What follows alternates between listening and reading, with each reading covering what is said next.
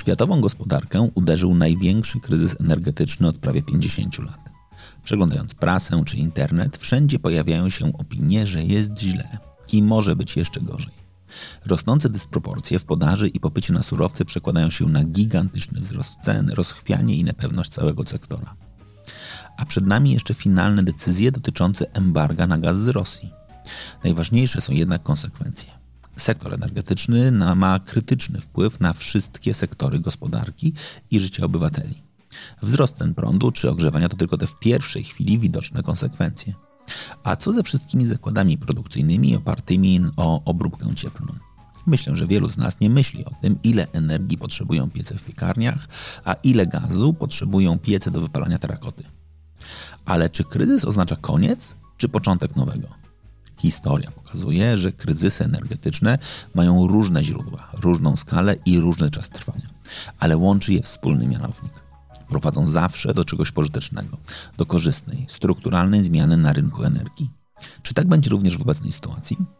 Zapraszam na kolejny odcinek podcastu To co najważniejsze. Wspólnie z ekspertami EY Polska staramy się pokazywać różne obrazy zmieniającego się świata. Dziś o bezpieczeństwie energetycznym.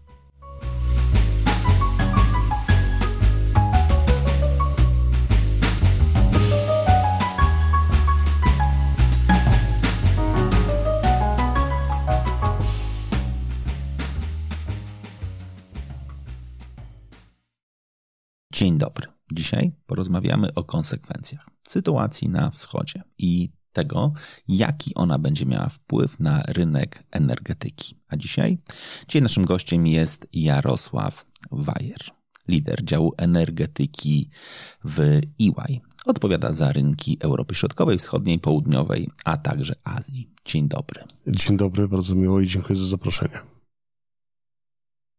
Z Twojej perspektywy, co się wydarzy?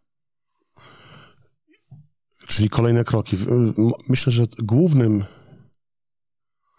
główną konsekwencją, głównym, główną rzeczą, która się wydarzy, to jest pewne przyspieszenie trendów, które widzieliśmy do tej pory, do których się przymierzaliśmy, które w sektorze energetycznym były planowane, ale na trochę później. Mhm. Czyli na lata powiedzmy 40, 30, 35, 40, 50. To one się moim zdaniem, nie tylko moim, widać dzisiaj już powoli to się unaocznia, że przyspieszył. Celowo zadaję i też, też, celowo rozpoczynam od takiego pytania, pytania bardzo otwartego, bo mam takie przekonanie trochę, że słuchając tego, jak ludzie reagują, mamy dwie skrajne opcje. Jedni mówią o wielkiej tragedii i teraz ola Boga, co to będzie, na pewno nie poradzimy sobie. Inni starają się trochę studzić te, te niepokoje. Jak ty do tego podchodzisz? Znaczy, no, mamy oczywiście kwestię społeczną i to jest wielka tragedia. Jeżeli mówimy o rynku energetycznym ja, tak, i znaczy, o tym... Nie, chcę, tak, nie, tak, chcę, wchodzić nie, nie chcę wchodzić w ogóle jakby w dyskusję no, o tym, bo, bo tragedia tak. jest obiektywnie dramat i to jest tak. absolutnie dramat. I tutaj w ogóle nie możemy tego kwestionować. Ja mówię o tragedii na rynku faktycznie energetycznym, energetycznym bezpieczeństwa energetycznego. My de facto już to przechodziliśmy w latach 70., 80., czyli gwałtowny wzrost cen. Tak? Y, cele, które miała nasza część świata, czyli Europa, Unia Europejska, one zakładały pewną dywersyfikację dywersyfikację dostaw. Mhm. One zakładały y, bezpieczeństwo dostaw, tak, bo był pewien dylemat regulatorów y, na naszych rynkach, jak pogodzić trzy trochę sprzeczne ze sobą cele, czyli bezpieczeństwo dostaw w krótkim i długim terminie. W długim terminie oznacza to również troskę o środowisko, mhm. w jaki sposób nasza działalność, szczególnie wykorzystywanie zasobów naturalnych wpływa na środowisko, czy jesteśmy przekonani, że będziemy mieli i mogli eksploatować y, te zasoby w nieskończoność i z trzeciej strony także dostępność i pewne bezpieczeństwo, ale ekonomiczne. Mhm. A więc upewnienie się, żeby te zasoby były dostępne dla każdego mhm. po cenach, po których jesteśmy w stanie za nie płacić. I ten dylemat był trudno rozwiązywalny, bo to trudno od razu jechać w trzech kierunkach, w trzech trochę rozbieżnych kierunkach.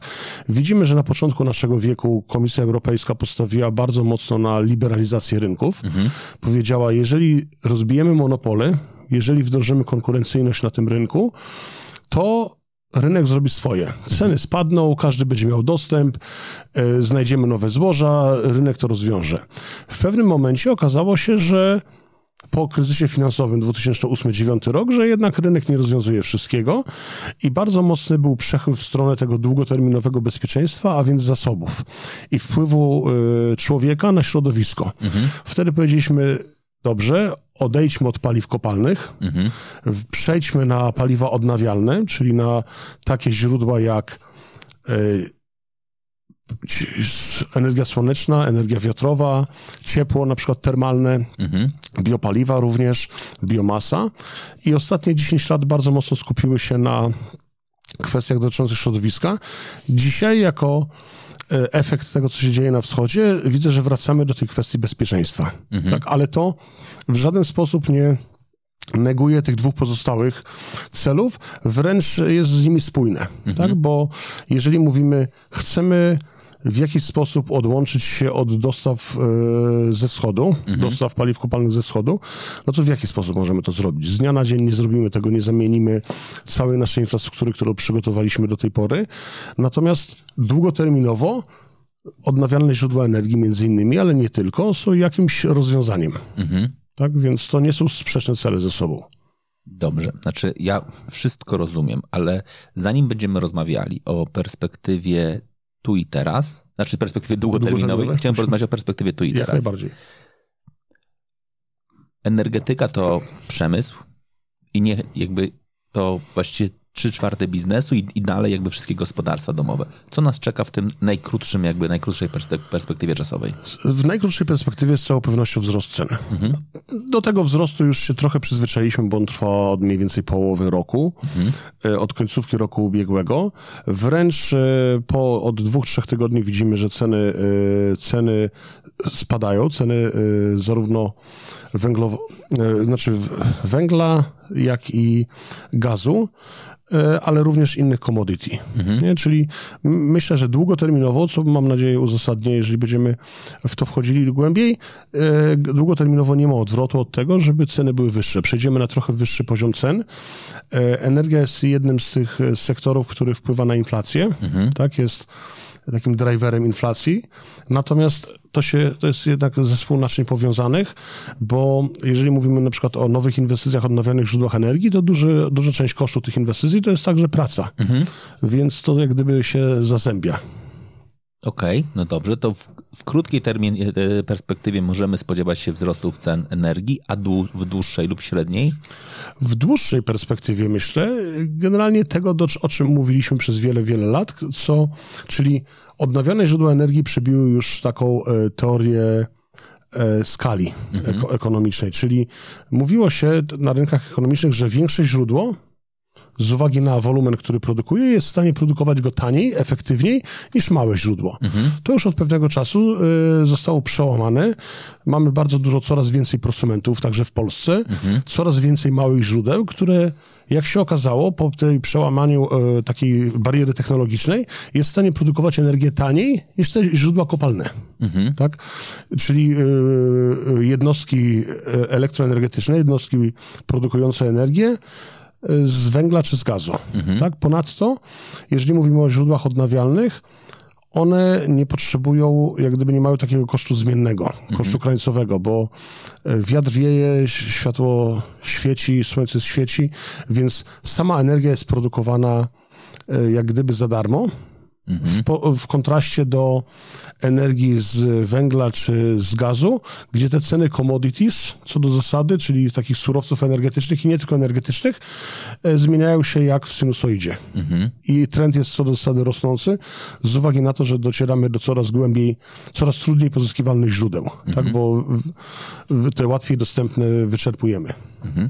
Mówisz o prosumentach. Znaczy, ja absolutnie z pozycji osoby, która nie siedzi w tym rynku, myśląc sobie o prosumentach, myślę bardziej o indywidualnych gospodarstwach domowych. Tak? Znaczy, ten model, w którym coraz więcej osób, szczególnie ci, którzy mają możliwości, decyduje się na to, żeby, nie wiem, chociażby e, montować panele fotowoltaiczne. Tak? Jakby szukamy takich rozwiązań, ale dalej to jest na skalę kraju dość mikro, mikrogrupa. Znaczy nie możemy powiedzieć, że duża część polskiego społeczeństwa mieszka w domach. i ma taką możliwość. Jednakże w dużej mierze mamy, nie wiem, bloki wspólnoty mieszkaniowe, które by musiały dokładnie podejmować te same decyzje. I z drugiej strony, jednakże zakłady pracy, czy też jakby firmy, no bardzo dużą część stanowią biurowce, które jeszcze tych, tych, tych kroków nie podejmują. Kiedy to się zmieni? Ta technologia to się zmienia na naszych oczach. Ostatnie trzy lata de facto to jest wzrost wzrost produkcji i wzrost mocy w systemie, które produkują energię elektryczną z fotowoltaiki mhm. o 5 gigawatów. To okay. jest takich pięć bardzo dużych bloków węglowych. Mhm. I głównie opartych o prosumentów, o tą małą, rozproszoną energetykę. Oczywiście przedsiębiorstwa również y, coraz częściej i coraz bardziej ochoczo wchodzą w fotowoltaikę mhm. dzisiaj i nie tylko w fotowoltaikę. To, powoduje dodatkowe problemy, o czym chwilę później może. Natomiast E, też nie ma problemów z tym, że tworzą się wspólnoty, mhm. które wspólnie inwestują w różne źródła, mhm. tak? Bo my nawet jeżeli mieszkamy w jakimś apartamentowcu, mhm. jesteśmy w stanie zainwestować wspólnie z innymi mieszkańcami w jakieś źródło, które niekoniecznie musi być blisko naszego bloku albo na dachu naszego bloku, okay. natomiast produkować energię głównie dla nas. Czyli możemy zainwestować i tak się dzieje w coraz większej liczbie krajów. Mówi się ponadto, o czymś, co się nazywa microgrid. Mhm. Tu ma wiele różnych nazw. E, polskiej nie będę wymieniał specjalnie, bo ona w jakimś tam momencie ma też negatywne konotacje z uwagi na pewne procesy legislacyjne, które za tym szły. Natomiast e, ten microgrid oznacza, że budujemy różne źródła, na podstawie technologii, które w danym miejscu są najbardziej efektywne mhm. I y, te źródła pracują dla odbiorców, którzy odbierają w naszym obszarze. Tak? Mhm. Przemysłowo możemy sobie pomyśleć, że takie okręgi przemysłowe, gdzie mamy albo strefy ekonomiczne, że taka strefa ekonomiczna na swoim terenie również produkuje fotowoltaikę, wiatr, ale nie tylko fotowoltaikę, wiatr, korzysta z biomasy, tak, żeby to dopełniało. Dzisiaj coraz więcej się mówi o takiej alternatywnej energetyce związanej z innowacjami, a więc również o wodorze. Okej. Okay. Dobra, to zanim pójdziemy dokładnie jeszcze do wodoru, bo to jest temat, który akurat mnie bardzo ciekawi, to interesuje i musimy się zatrzymać trochę na sytuacji z wiatrem. Polska pod tym względem no, zrobiła pewnego rodzaju woltę jakiś czas temu. Z czego ona wynikała i jakie są tego konsekwencje? Myślę, że to była decyzja stricte polityczna. Mhm. E, musimy pamiętać kilka rzeczy. Że te nowe technologie mają różne koszty produkcji energii elektrycznej w różnych miejscach świata, przy różnych lokalizacjach, tak? Dlatego też nie mówimy o jednym modelu energetyki, w którym powinien być powielany w każdym jednym kraju. Mhm. U nas świeci słońce jak świeci, dzisiaj akurat bardzo mocno padało i całe niebo jest zachmurzone, natomiast na południu Europy mhm. potrafi ten sam panel, który kosztuje de facto tyle samo, mhm. może jest troszkę inaczej instalowany przez innych pracowników, więc ma koszty instalacji trochę droższe, Natomiast co do zasady inwestycja jest porównywalna w kosztach, a on produkuje, potrafi produkować dwa, a nawet dwa i pół razy więcej energii w tym mhm. samym czasie niż w Polsce. Mhm. Więc energia słoneczna jest na pewno tańsza na południu Europy niż na północy Europy. Z drugiej strony u nas mamy bardzo dużo e, biomasy, mhm. które moglibyśmy wykorzystać oraz energii wiatrowej. Mhm. Jest dużo wiatraków i teraz jak porównujemy koszty produkcji e, energii elektrycznej z różnych źródeł, e, w takim żargonie się mówi o LCOE, czyli o takim średnio ważonym koszcie, który jest przeciętny dla całego okresu użytkowania ekonomicznego danego źródła, to w Polsce wciąż ta energia wiatrowa jest tańsza od energii fotowoltaicznej. Mhm.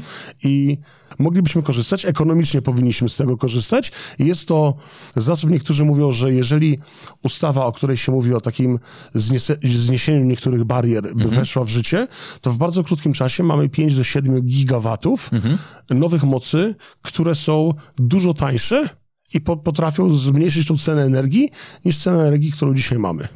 Czyli z Twojej perspektywy przywrócenie stawiania farm wiatrowych byłoby dobrą decyzją.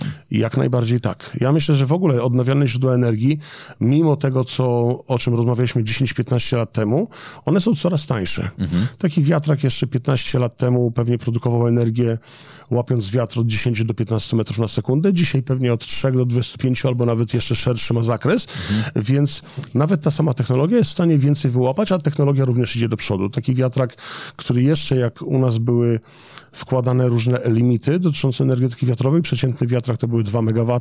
Mhm. Dzisiaj już się mówi 3,5 plus. Okej. Okay. Czyli to, co mówisz z perspektywy technologicznej, powoduje, że krótko mówiąc, przy coraz mniejszych wiatrach, czy też nawet przy mniejszym wietrze, wiatrak może pracować generując prąd. Jak najbardziej, albo przy większym wietrze I... również, bo przy większym A. też za dużo trzeba było hamować, bo to powodowało dodatkowe ryzyka związane z technologią, z tym, że wiatrak zbyt szybko się obraca i tak dalej. Nie? Pożary, tam cała historia, nie jestem inżynierem, ale ten zakres jest dzisiaj dużo szerszy, mhm. e, technologie są coraz większe mhm. i w tym samym miejscu przy tym samym wietrze, z całą pewnością przy trochę innej technologii, innej turbinie, to, e, to źródło jest w stanie produkować dużo większą, istotnie większą ilość energii po przeciętnej, niższej cenie. Okay. To samo idzie z fotowoltaiką. Fotowoltaika wciąż ma duży potencjał rozwoju, czyli żeby przy tym samym świetle, mhm. przy tych samych kosztach technologicznych produkować dużo więcej energii. No dobrze, ale jednym z, też jedną z najczęstszych barier, które się wskazuje przy naturalnych czy też odnawialnych źródłach energii, jak fotowoltaika, jak wiatr, jest magazynowanie energii. Tak? Czyli taka bariera pod tytułem OK, to są źródła, nazwijmy to, trochę niestabilne. Znaczy w takim sensie, że one nie pracują równo przez 365 dni w roku, 24 godziny na dobę, w związku z czym zdarzają się okresy, w których produkują więcej, w innych produkują mniej, w związku z tym jednym z najważniejszych elementów są magazyny energii. Jak ten, jak ten sektor będzie się rozwijał? Jeszcze zanim na to odpowiem, to może jeszcze krok wstecz. W ogóle okay. myśląc o sektorze energetycznym, największym problemem jest to, albo może nie problemem, tylko cechą taką charakterystyczną dla tego sektora, dla tego rynku w stosunku do innych rynków, że my nie jesteśmy w stanie dzisiaj na taką dużą skalę magazynować mhm. tego, mhm. tego dobra, jakim jest energia. W związku z tym musimy cały czas na bieżąco, całe zespoły ludzi nad tym pracują w krajowym systemie energetycznym, którzy bilansują mhm po, zapotrzebowanie i, i, i, pop, i podaż mhm. na energię elektryczną. I oczywiście, bo tutaj mówimy, y, że chcielibyśmy, żeby coś pracowało tyle samo przez, nie wiem, 8760 godzin. Mhm. Żadne źródło, również y, czy gazowe, czy mhm. węglowe, tyle nie pracuje. Bardzo często jakbyśmy zobaczyli grafiki, jak te źródła są obciążone, to zobaczymy taki grzebień. Mhm. One się dostosowują do do e, popytu na energię. I teraz od wielu, wielu lat mówi się o świętym e, gralu mhm. energetyki, czyli jakimś sposobie magazynowania. Mhm. Do tej pory można było to robić, bo my mamy technologię magazynów, natomiast one były drogie i to było nieekonomiczne, nie opłacało się. Dużo taniej było e, bilansować, mhm. mieć dużo ludzi, dużo różnych źródeł, które możemy albo podnieść, albo opuścić w danej e, jednostce czasowej. Nie opłacało się magazynować. Mhm.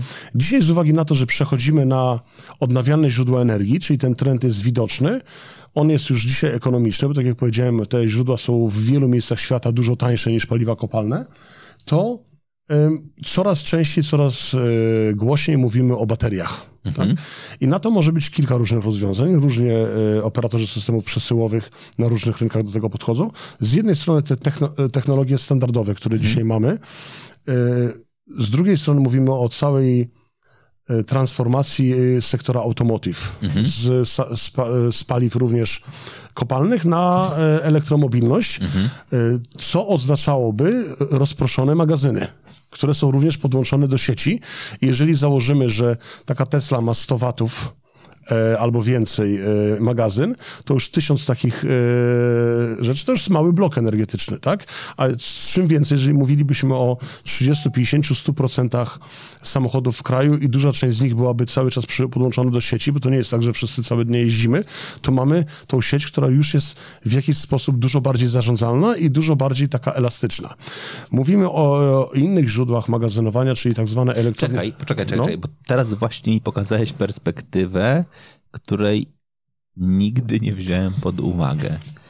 Powiedziałeś, że samochody, które będą podłączone do sieci, mogą być rozproszonymi magazynami. Jak najbardziej. Tak samo jak rozproszone źródła energii, tak samo rozproszone magazyny. Oczywiście to wymaga, y, ma swoje e, problemy, jak tym zarządzać, bo oczywiście komunikacja i tak mhm. dalej, ale jak najbardziej to są, to zmienia drastycznie sieć energetyczną. To, to, zmienia drastycznie sieć energetyczną. Mamy, to, to, do tego zaraz bym wrócił może, bo to jest też ta przyszłość energii na, na, na kilka lat do przodu. Jeżeli mówimy o jeszcze magazynach, technologiach magazynowych, w Polsce mamy kilka elektrowni szczytowo-pompowych, mhm. czyli to są takie, e, e, takie źródła, które wykorzystujemy energię w momencie, gdy jest jej nadwyżka, mhm. pompujemy wodę i poprzez energię e, potencjalną ta woda spada, tworzy się energia w tych momentach, w których jej potrzebujemy. Tak?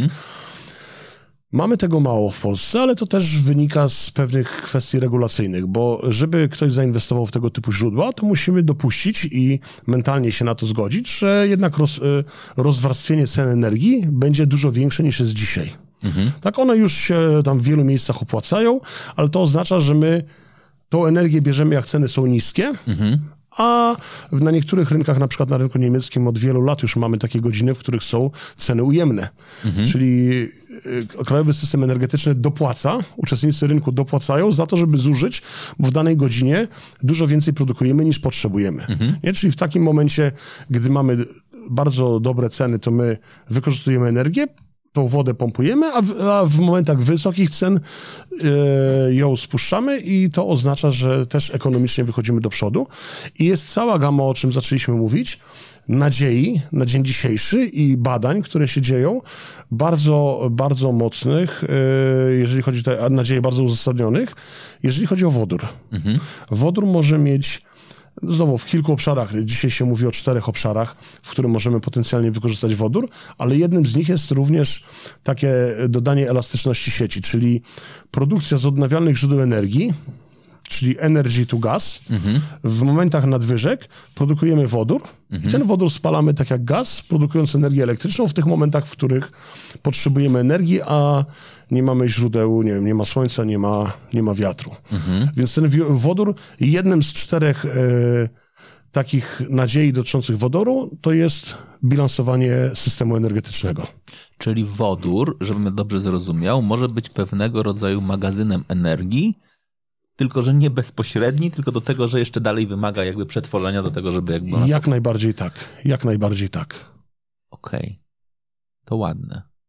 To ładne. Czy jestem w tej chwili, przepraszam bardzo, jestem cały czas jakby zafascynowany światem jednakże e, automotive, czy też w ogóle wszystkich niezależnych magazynów energii, bo ja o tym w ogóle nie myślałem. Znaczy, jak sobie dokładnie teraz uświadomię taki aspekt, który by miał oznaczać, że inaczej w takim razie myślimy o samochodzie, czyli że mój naładowany samochód stojący podłączony do systemu ładowania może być również elementem ewentualnie, że ktoś odbierze z niego tę energię w momencie, kiedy będzie potrzebował. Wow. Wręcz możemy na tym zarabiać, bo możemy sobie o, wymyślić... O, o, o, o, tym sobie pomyślałem, znaczy, że w, w, tym momencie jestem w stanie sobie wyobrazić sytuację, w której, nie wiem, ładuję swój samochód w nocy, upraszczając, kiedy jest tańsza energia, potrzebuję go tylko na dojazd do pracy, więc mało zużywam, część sprzedaje w ciągu dnia, kiedy ona jest droższa, wykorzystuje tylko tyle, żeby wrócić i znowu go ładuje w nocy, kiedy jest tańsza. Jak najbardziej. A jeszcze jeżeli do tego bym go ładował na przykład ze swojego własnego magazynu, który w ciągu dnia go produkuje z fotowoltaiki, to to jest alternatywny system jakby zarządzania przesyłem poprzez magazynowanie, a nie poprzez oddawanie do sieci centralnej. Dokładnie, dokładnie. Czyli takie nadawanie elastyczności tej sieci. Mhm. Czyli jeden z tych problemów, o których mówiliśmy, bilansowania popytu z podażą.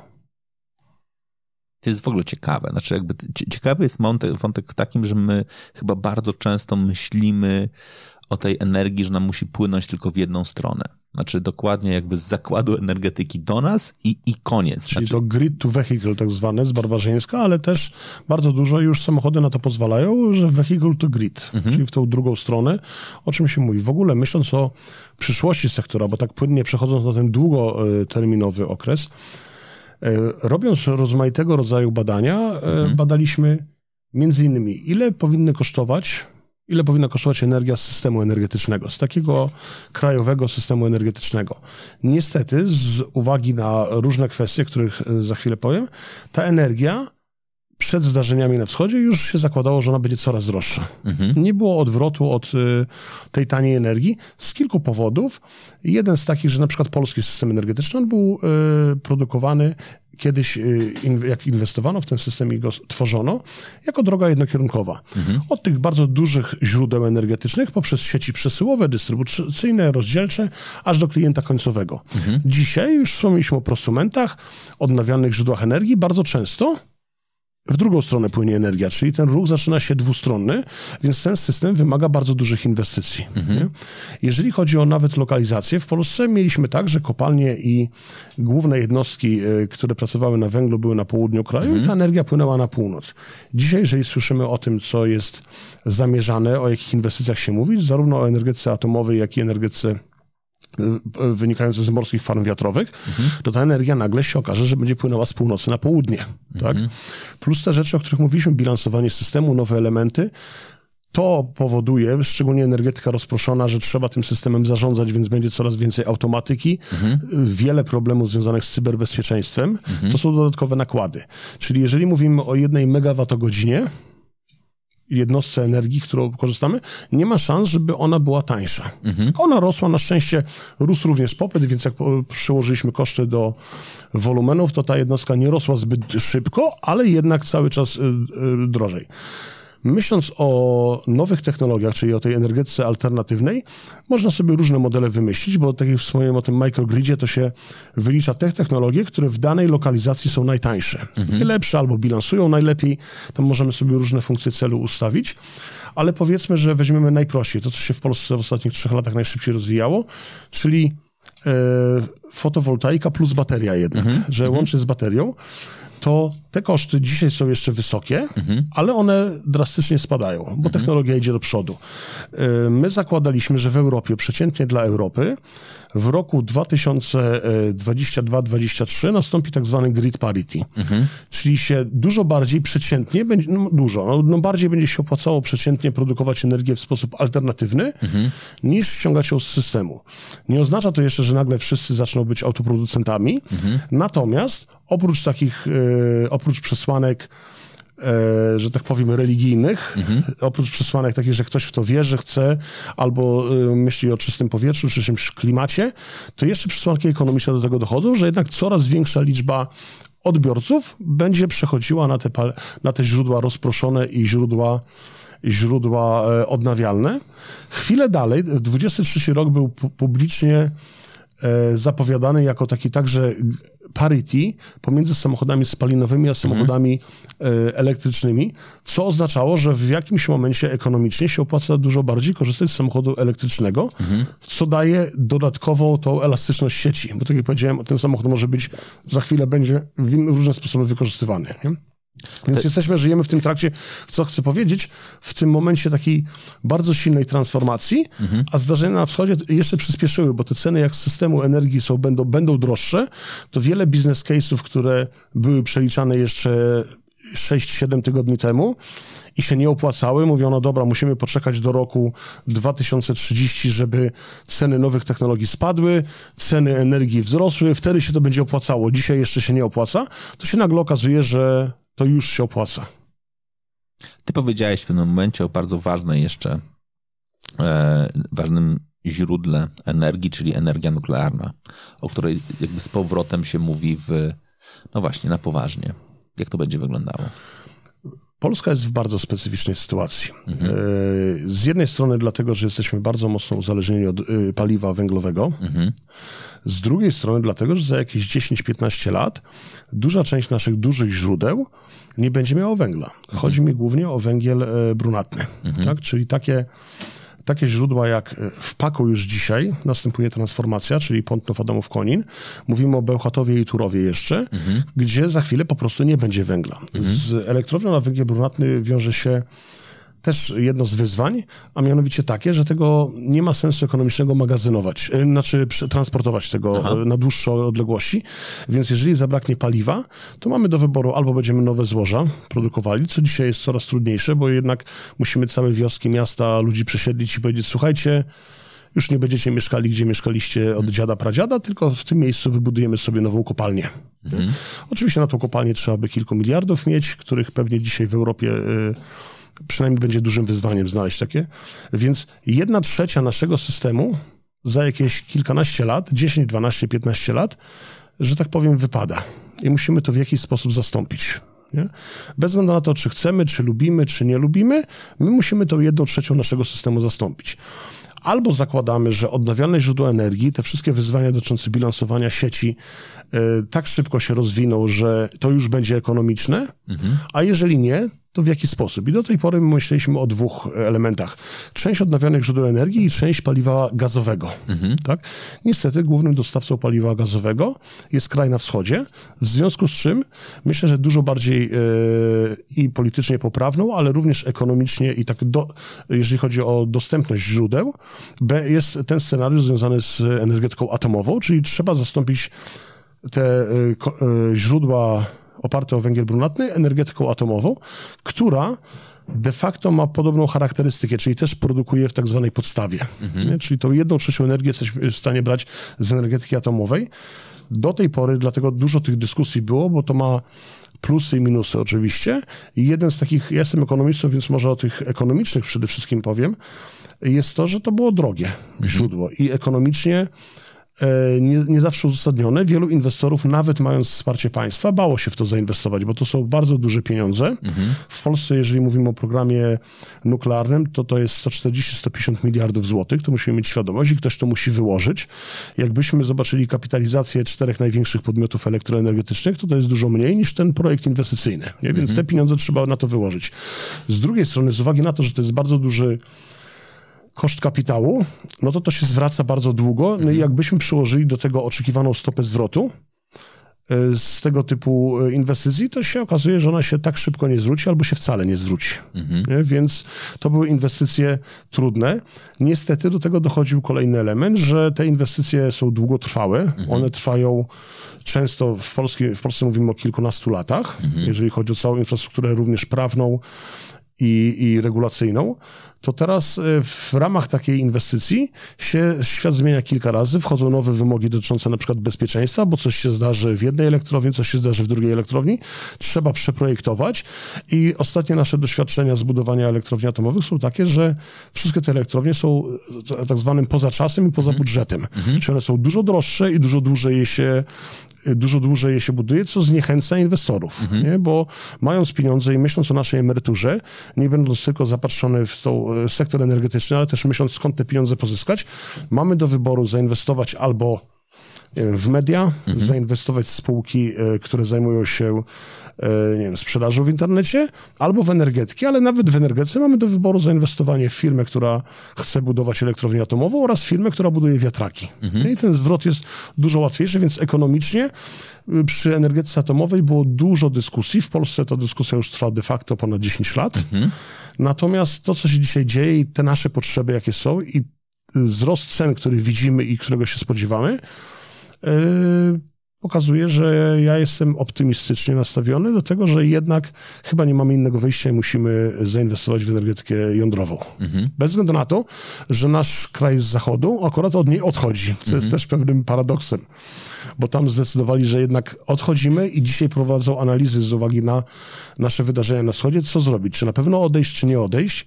Część ludzi, z którymi rozmawiam i moich klientów mówi, nie, nie, Jarek, oni się nie wycofają, po co mają się wycofać? Ale niestety albo stety są już w takim momencie, w którym trudno im się trudno im zmienić decyzję. Mhm. Nie, nie z powodów prestiżowych, ale z powodów czysto ekonomicznych. Paliwo do, takiej, do takiego bloku jądrowego się produkuje specjalnie na dany blok. To nie jest takie paliwo, które możemy sobie, nie wiem, jak węgiel kupić, że chcemy mhm. węgiel o takiej kaloryczności sobie kupujemy i za tydzień, za dwa mamy u nas. Tylko to paliwo jest specjalnie produkowane. To paliwo jest produkowane kilkanaście miesięcy, 18 miesięcy albo dłużej.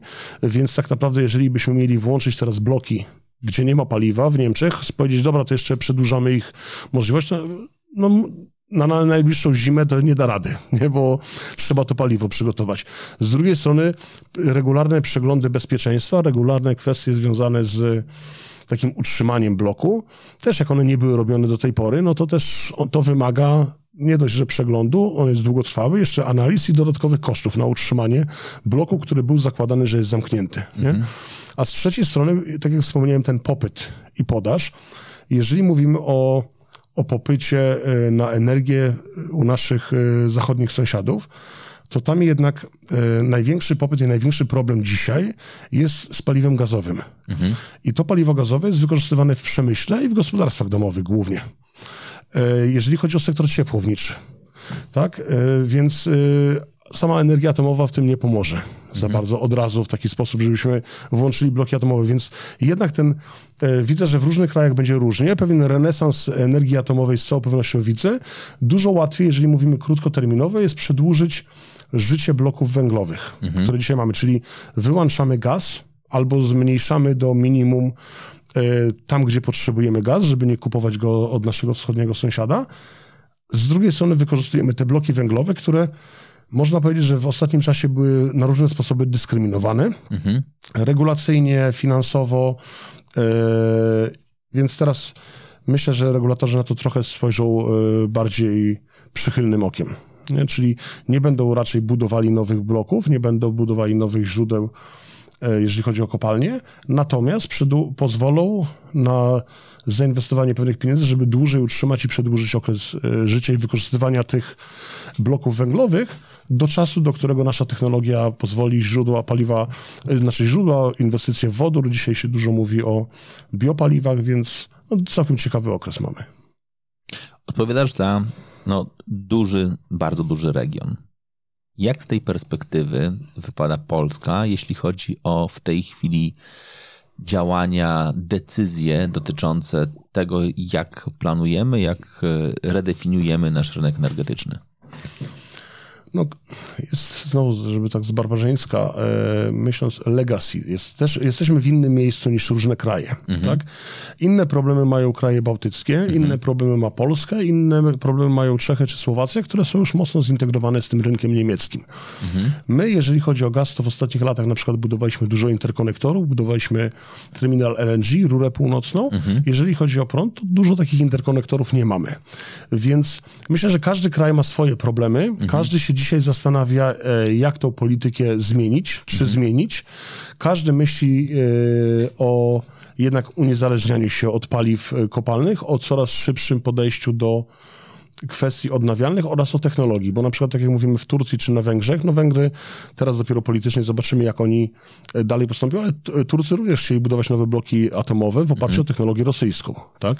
To jest z całą pewnością przemyśliwane dzisiaj, czy, czy to ma sens, czy nie, czy może zmienić technologię, a jeżeli nie zmienić technologii, to może dostawcę technologii zmienić, tak? Kraje bałtyckie były w 100% uzależnione, nie? W ostatnich latach, do, jak zamknięto elektrownię w Ignalinie, to de facto dzisiaj większość energii pochodzi z, z Rosji i też mają swoje problemy, jak się uniezależnić. Więc myślę, że dzisiaj w każdym kraju trwają bardzo głębokie analizy i szybkie, co zrobić, co zrobić najlepiej, nie? Bo, tak jak powiedziałem, ta sytuacja wpłynęła również na ekonomikę. I Na pewno konsekwencją całości będzie wzrost ceny. Wzrost cen gazu. Jeżeli chcemy najtańszy gaz wymienić na inny gaz, to musimy raz zbudować infrastrukturę, a dwa ten inny gaz, do tej pory go nie braliśmy, bo był droższy. Więc będziemy mieli, nawet jeżeli zmniejszymy zapotrzebowanie na elektrownie gazowe, to ten gaz będzie droższy. Jeżeli mówimy o węglu, również sprowadzaliśmy go do tej pory z różnych miejsc, przede wszystkim z Rosji, a nie z Australii, czy z Afryki, czy z Kolumbii, bo tamten był droższy. Więc jeżeli mówimy o paliwach kopalnianych, to one z całą pewnością będą droższe. Jeżeli mówimy teraz o na, na przykład stali, bo jeżeli chodzi o odnawialne źródła energii, to takim istotnym kosztem to jest stal, tak? bo te turbiny one po, e, są ze stali, maszty, e, śmigła, jeżeli chodzi o energetykę wiatrową, ale również te ogniwa fotowoltaiczne, one mają y, paliwa kopalne, tak, z zie- ziemi rzadkich, które idą do góry. Ceny idą do góry. Jeżeli chodzi o samą stal, z uwagi na przemysł zbrojeniowy, te ceny istotnie idą do góry również, nie? Więc de facto nie ma odwrotu od wyższych cen energii. Więc przeskoczymy na pewien pułap wyższych cen i to samo, co powiedziałem, inflacja, usługi, instalacja tych nowych źródeł również będzie droższa. W związku z tym, że oczekujemy już dzisiaj dużo wyższych cen, się nagle okazuje, że różne różne koncepcje, różne paliwa alternatywne, różna energetyka alternatywna już się opłaca, mimo że jeszcze się trzy tygodnie temu czy pięć tygodni temu nie opłacała.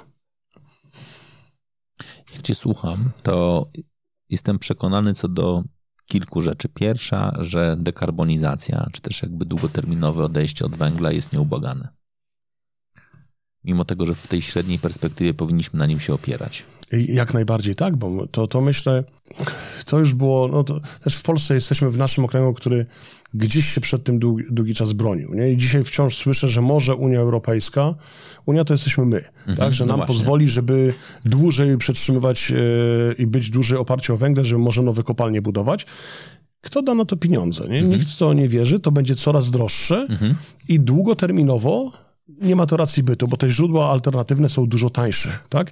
Ja myślę również i bardzo często, jak się rozmawia z ludźmi młodymi, szczególnie, którzy kończą studia, no to mają do wyboru pracować albo w jakichś bardzo zaawansowanych biznesach high-tech, albo może kto by chciał iść do kopalni, mhm. pracować w kopalni i wiązać swoje życie, swoją przyszłą karierę biznesową z biznesem, który co do zasady, bo to jest nie tylko kopalnia, ale również całe paliwa, jak mówimy mhm. o samochodach, przejściu tej transformacji energetycznej, jeżeli chodzi o sektor automotive, to teraz kto chce dzisiaj, mając 40-50 lat w głowie przyszłej kariery zawodowej, wiązać sobie swoją przyszłość z sektorem, który jest przynajmniej y, percepcja, że umiera, mhm. że on będzie wygaszany, może nie w ciągu pięciu lat, nie dziesięciu, ale w ciągu dwudziestu lat raczej tak. Nie? Mhm. A z drugiej strony, jeżeli mówimy o naszej emeryturze i naszych pieniądzach, które chcemy przeznaczyć, mhm. to teraz czy my pozwolimy naszym funduszom emerytalnym, żeby inwestowały w biznesy, które też są, wymierają, więc od wszystkich stron, i od strony regulacyjnej, i od strony talentu, mhm. pracowników, których chcemy mieć najlepszych zgarnąć, i od strony finansowania, i od strony finansowania, jeżeli chodzi o instytucje takie jak banki mhm. finansujące, które wręcz mają regulacje, żeby w to nie inwestować, ale właśnie z uwagi na ekonomikę. To nie jest już dzisiaj, ja wspomniałem słowo religia, że to już nie jest tak, że ktoś lubi, nie lubi, mhm. tylko to jest ekonomika i dzisiaj ekonomicznie się po prostu takich rzeczy nie opłaca robić, nie? I ludzie z jakiegoś powodu, prosumenci, w Polsce również przez ostatnie lata bardzo intensywnie każdy, kto mógł, to inwestował w fotowoltaikę, bo to było po prostu taniej. To razem ze wsparciem się nawet w 2-3 lata okazywało, że można zwrócić taką inwestycję nie, przy mhm. dzisiejszych cenach, a dzisiejsze ceny, te, które idą jeszcze wyżej, to one powodują, że taka inwestycja się zwróci szybciej. Mhm. Ja trochę znam się jednakże na budowaniu relacji, zespołów i wielu rzeczy. Znaczy, to, co pokazała nam sytuacja na wschodzie, Rosja, to zależność energetyczna od jakiegokolwiek rynku jest zła. Dzisiaj dużo mówi się o niezależności, a moje pytanie jest inne. Czy to nie jest trochę tak, o czym tutaj sobie rozmawiamy, że taką absolutnie długoterminową przyszłością jest współzależność energetyczna? Czyli trochę taka sytuacja, w której tworzymy pewnego rodzaju konsorcja, koalicje, struktury, regiony, w których wzajemnie faktycznie budujemy w sobie pełne współuzależnienie i dzięki temu osiągamy więcej. Jak najbardziej tak. Ja myślę, że też myśląc już na, na trochę wyższym poziomie w sensie tej globalizacji. Mówiliśmy mhm. od wielu lat, od II wojny światowej, de facto mówiliśmy o globalizacji. I mhm. następował ten proces globalizacji. On przyspieszył w latach powiedzmy 90., tak? Mhm. E, ale zarówno COVID, jak i teraz ta zależność od jednak najtańszego źródła mhm. pokazały, że cały proces globalizacji należy przemyśleć i mówi mhm. się o pewnej regionalizacji przynajmniej, mhm. tak, żeby budować jednak nasz łańcuch dostaw, skrócić go, budować go blisko siebie. I to samo jest w energetyce, że jednak te źródła z powodów ekonomicznych powinny być budowane jak najbliżej miejsca, w którym zużywamy. Mhm. W naszym modelu, wspomniałem o naszych analizach, bo wiele takich analiz robimy również dla siebie, nie tylko dla naszych klientów. Jak analizujemy koszty przyszłe koszty energii mhm. z systemu krajowego, to te koszty dzielą się na dwie części. Koszt transportu tej energii, mhm. czyli przesyłu dystrybucji oraz koszt produkcji samej energii. Mhm. W naszym modelu w Europie w latach, co prawda to jest jeszcze oddalonych, ale 42-43 rok, mhm. sam koszt przesyłu i dystrybucji jest wyższy od kosztu produkcji energii elektrycznej lokalnie. Czyli mówimy, nawet jeżeli mamy źródła na Bałtyku, mhm. Które produkują energię elektryczną z wiatru, mhm.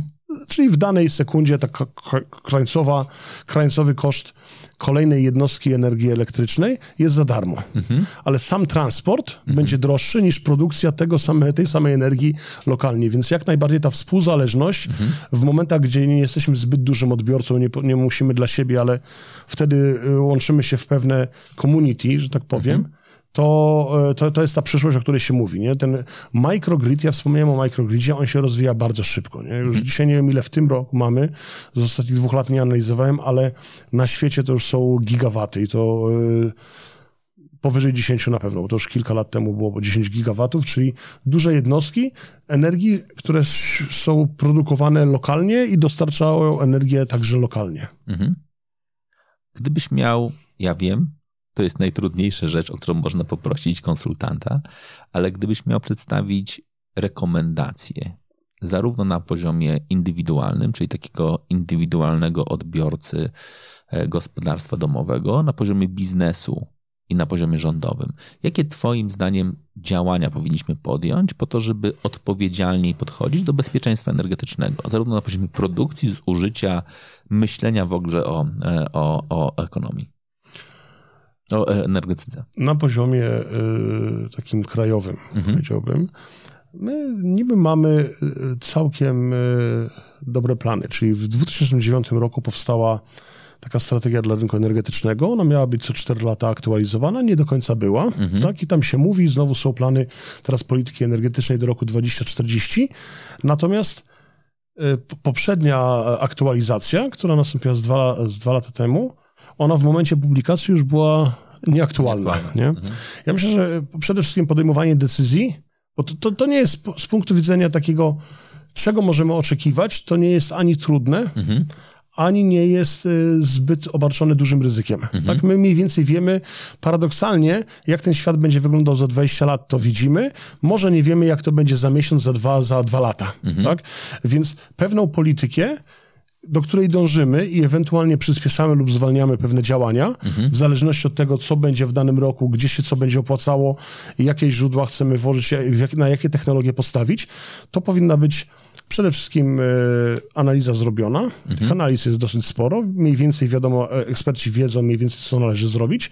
Plus dwa, podejmować decyzje. Wspomnieliśmy o tej energetyce atomowej. Te decyzje, jest dużo dyskusji, ale tak naprawdę się tam niewiele dzieje, nie? Mhm. Jeszcze. Więc myślę, że to, to jest jedna rzecz. Druga, e, również na tym poziomie rządowym, jak mówimy, funkcja celu.